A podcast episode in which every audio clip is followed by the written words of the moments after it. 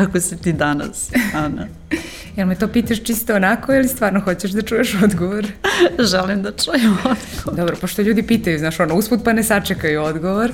Ovaj, danas sam nešto umorno, probudila sam se sa glavoboljom, ali sam vrlo uzbuđena zbog ovog našeg podcasta koji krećemo, tako da, da mi je baš drago što sam danas ovde. Dobro, hoćemo mi da se predstavimo za početak? E, može, mogu da ja predstavim tebe? Izvoli. E, pa Vesna Bjelić je e, domaća ovde, nije domaćica, nikakva, ali to nije tema. Ona je ovde e, domaća, e, radi u Telegrafu i uređuje Telegraf biznis. Inače je izvanredan ekonomski novinar koji prati sve ekonomske teme i sve zna. Ovaj, meni kad je potrebna neka informacija, otprilike zovem Vesnu da, da se konsultujem i da proverim šta se dešava i šta se desilo pre nego što dokrenem da bilo šta googlam ili tražim. A, molim te, pusti me da predstavim ja tebe, ovo je već, ovo je već otišlo predaleko. A, Ana Brzaković a, je preduzetnica, mlada preduzetnica, ima svoju marketing agenciju. Ana je neko ko voli da piše, primarno se bavi marketing strategijom, ali zaista lepo piše, piše dosta o ličnom razvoju, piše dosta o psihologiji, o ljudima. Ana često piše i za nas, piše uglavnom neke teme o biznisu koje možete čitati i na Telegraf, Telegraf biznisu, ali ja volim kod nje što ona dosta čita i dosta uči. Nekada voli da kaže preučila sam se, možda bi malo da stane, možda bi zaista mogla malo da stane, ali Ana je neko ko, koga ja poznajem među redkima koji je uspeo sa svojim poslodavcem da dogovori kraću radnu nedelju, koji je uspeo da radi od kuće i kada u ono vreme kada smo se svi pitali da li je moguće tako raditi. Da. Ana je neko ko... Doći ćemo dotle, polako. Dosta o meni. Nismo ovde da, da pričamo o meni, uh, ovde smo da najavimo naš podcast. A kažite meni, da li je nama stvarno potrebno, potreban još jedan podcast pored svih ovih ostalih koji, koji da, postoje? mi kad, kada smo kre, kretali u cijelu ovu ideju, kada smo pričali o tome kao da li Srbiji potreban još jedan podcast. Uh, naravno da je potreban uvek kada postoje relevantne teme i relevantni sagovornici, a podcast o Srbiji je nešto, format koji je tek krenuo zapravo da bude popularan i sva istraživanja idu u njegovu, njegov prilog, odnosno postaje sve popularnija forma. Naravno, mi ćemo imati i video i audio podcast, ali i ćemo imati teme koje zaista će interesovati ljude i ne samo ljude kao takve, nego ljude koji su na poslu i koji provedu uh, toliko vremena u, u kompanijama, a to je, znamo svi, naš veliki deo života. Da, hoćeš da nam kažeš o čemu će da bude ovaj podcast? A ja bih to prepustila tebi, pošto smo se dosta pripremali za, za, za ovu emisiju, da smo pričali o tome, ali ti sada kao moj gost, to može da mi kažeš o čemu će da bude taj da, naš podcast. Ovaj, pa dala si mi lep uvod, prvo ovaj, si, si pitala kako sam, to je kad smo se videla, ono prvo što, što me pitaš i uvek kako sam i, i naš podcast je upravo o e, tome kako su ljudi i zove se kako si na poslu, a ne kako je na poslu, jer ljudi obično pričaju o poslu, o obavezama, a ne zastanemo da e, se osvrnemo i da se zapitamo kako smo mi i da li smo mi dobro. Jer nije važno samo da dobro radimo svoj posao, mnogo važnije od toga je da smo mi dobro dok radimo taj naš posao. Tako da upravo ćemo pričati o tom e, zdravlju na poslu, o zdravoj poslovnoj sredini, o okruženju, o tome šta mi možemo da uradimo da e, napravimo ispravne granice, kako da e, izađemo na kraj sa stresom, sa dodatnim pritiskom, pričat ćemo o tome šta rade druge kompanije, kako se ljudi bore sa tim, ono što si ti spomenula kako možemo i da li možemo da radimo kraće, da postignemo više, da li možemo da da se organizujemo tako da nam posao zaista predstavlja zadovoljstvo i da kao što je meni ovaj moj biznis coach pričao da, da na posao idemo uz pesmu i veselje. A, je... Evo ja bih sada možda rekla i to da li je sada pravo vrijeme za podcast. Mislim da, da je idealno vrijeme jer uh, duže, svi znamo da u Srbiji je uopšte bilo pitanje da li ćeš da dobiješ platu, da li ćeš da je dobiješ na vrijeme, da li ćeš da je dobiješ uopšte. Nažalost, postoje slučajevi gde je to još uvek jedno od najvažnijih pitanja na kraju meseca, ali mi ćemo pričati o tome da a, ne moraš da radiš 8 sati, to je ostalo još kada je bila industrija, kada se radilo tri smene, kada se radila proizvodnja. Mi živimo u ekonomiji znanja, živimo u ekonomiji usluga, promenile su se promenile se mnoge discipline, sektori, došle su neka nova zanimanja i važno je da pričamo o tome kako se osjećamo dok radimo, ali i kako izgleda taj naš prostor u kojem radimo, da li uopšte to mora da bude kancelarija i kako ta kancelarija treba da izgleda. Tako da ćemo se stvarno baviti i dovodit ćemo goste koji će nam pričati o tome i davati konkretne savete. Ja bih te sada zamolila da nam kažeš ko će to da budu, da budu naši gosti, da ne zaboravimo da ih pomenemo jer su oni ipak ono najvažnije što, što će činiti okosnica ovog mm, podcasta. Da, da, mi ćemo zapravo svoju vrednost davati kroz priče naših gostiju e, i dobro je što želimo da čujemo sve strane. Dakle, neće biti samo e, ljudi koji su u kompanijama i koji su možda doživjeli burnout ili koji žive u nekom stresnom okruženju, pa da sad ovo bude neka, neko njihov, da se oni žale i da pričaju o tome.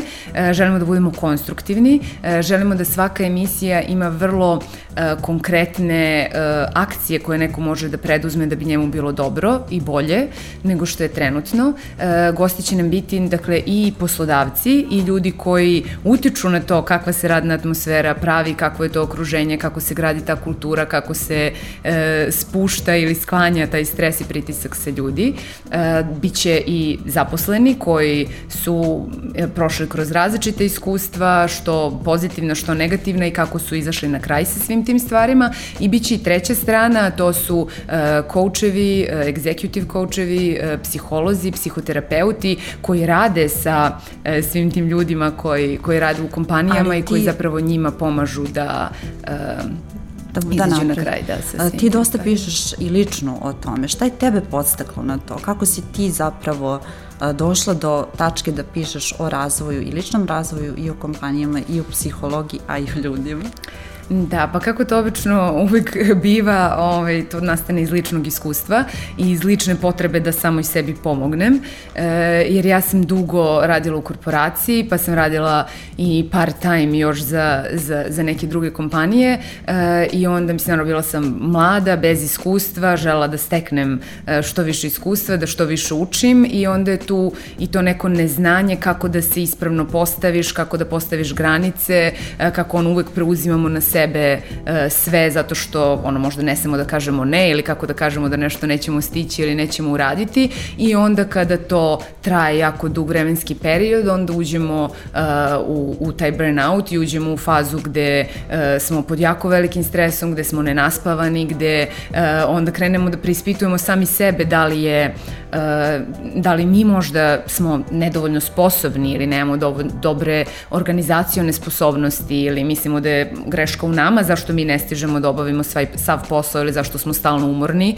ali to je prosto samo hronično nakupljen umor. E, I onda sam shvatila u nekom trenutku, naravno, ovaj uvek e, čekamo da ono bude neka kap koja prelije čašu e, i onda shvatimo da, da ne može više tako, iako možda ne znamo u tom trenutku kako i da li može drugačije, šta raditi drugačije, samo shvatimo da je vreme da e, izađemo odatle. A šta je tebe podstaklo i kako si ti uspela da izađeš iz svega toga? Šta si gledala, istraživala, šta si čitala?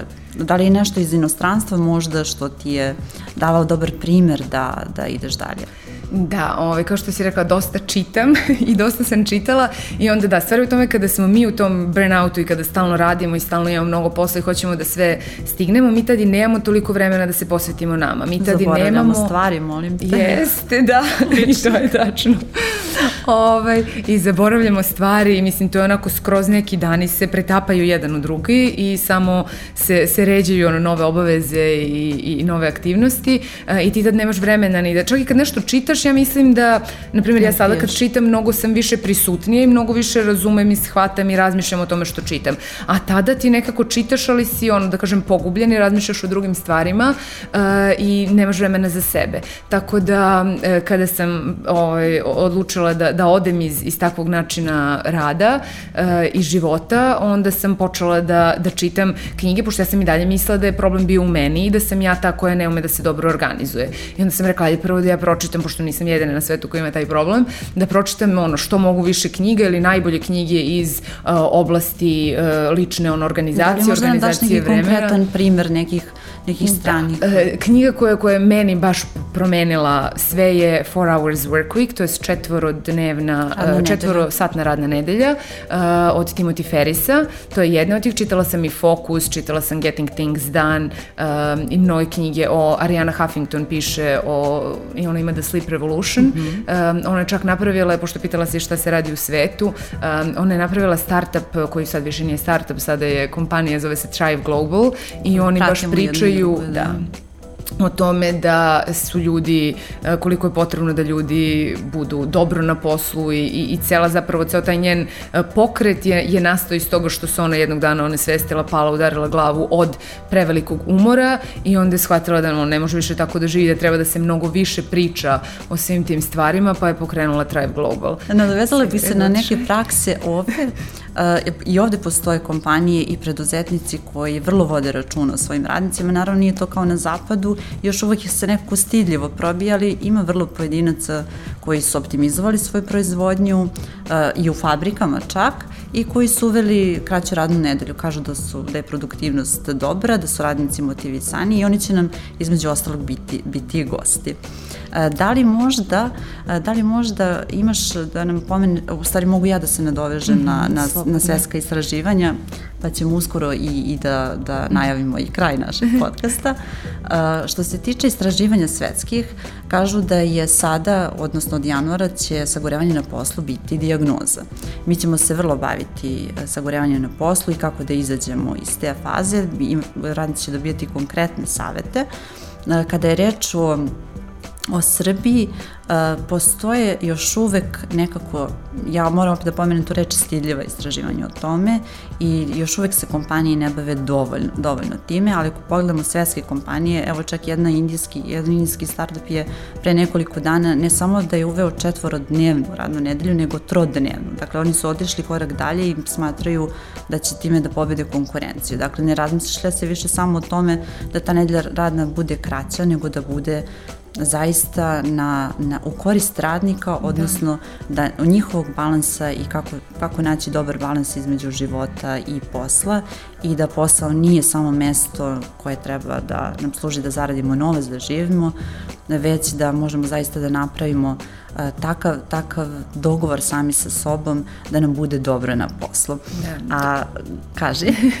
dakle, ja sam da dodam da, da je dobro da e, se o tome više priča i da je dobro da se ispituju i testiraju različite stvari, zato što, mislim, mi zaista funkcionišemo na isti način kako smo funkcionisali e, i pre 10, 20, 50 godina, e, što se tiče ono, to si ispomenula osmočasovne e, radne, radnog dana, Radnog i, dana e, i, i svega to, mislim, to ne mora da znači da način na koji se radio ranije, da, mislim, možda može nešto bolje i drugačije i za jednu i za drugu stranu, mislim, i za zaposlene i za poslodavce. Tako da dobro je to sve testirati i bit će ovaj, više reči o tome.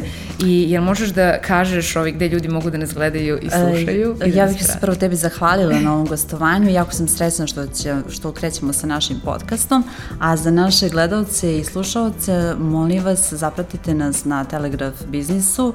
Vi ćemo imati posebnu rubriku u kojoj, u kojoj ćete moći da gledate naš podcast. Takođe, uskoro ćemo biti na YouTube-u, a ono što je najvažnije, što je poruka našeg podcasta kako se na poslu sa Anom i Vesnom je budite nam dobrom.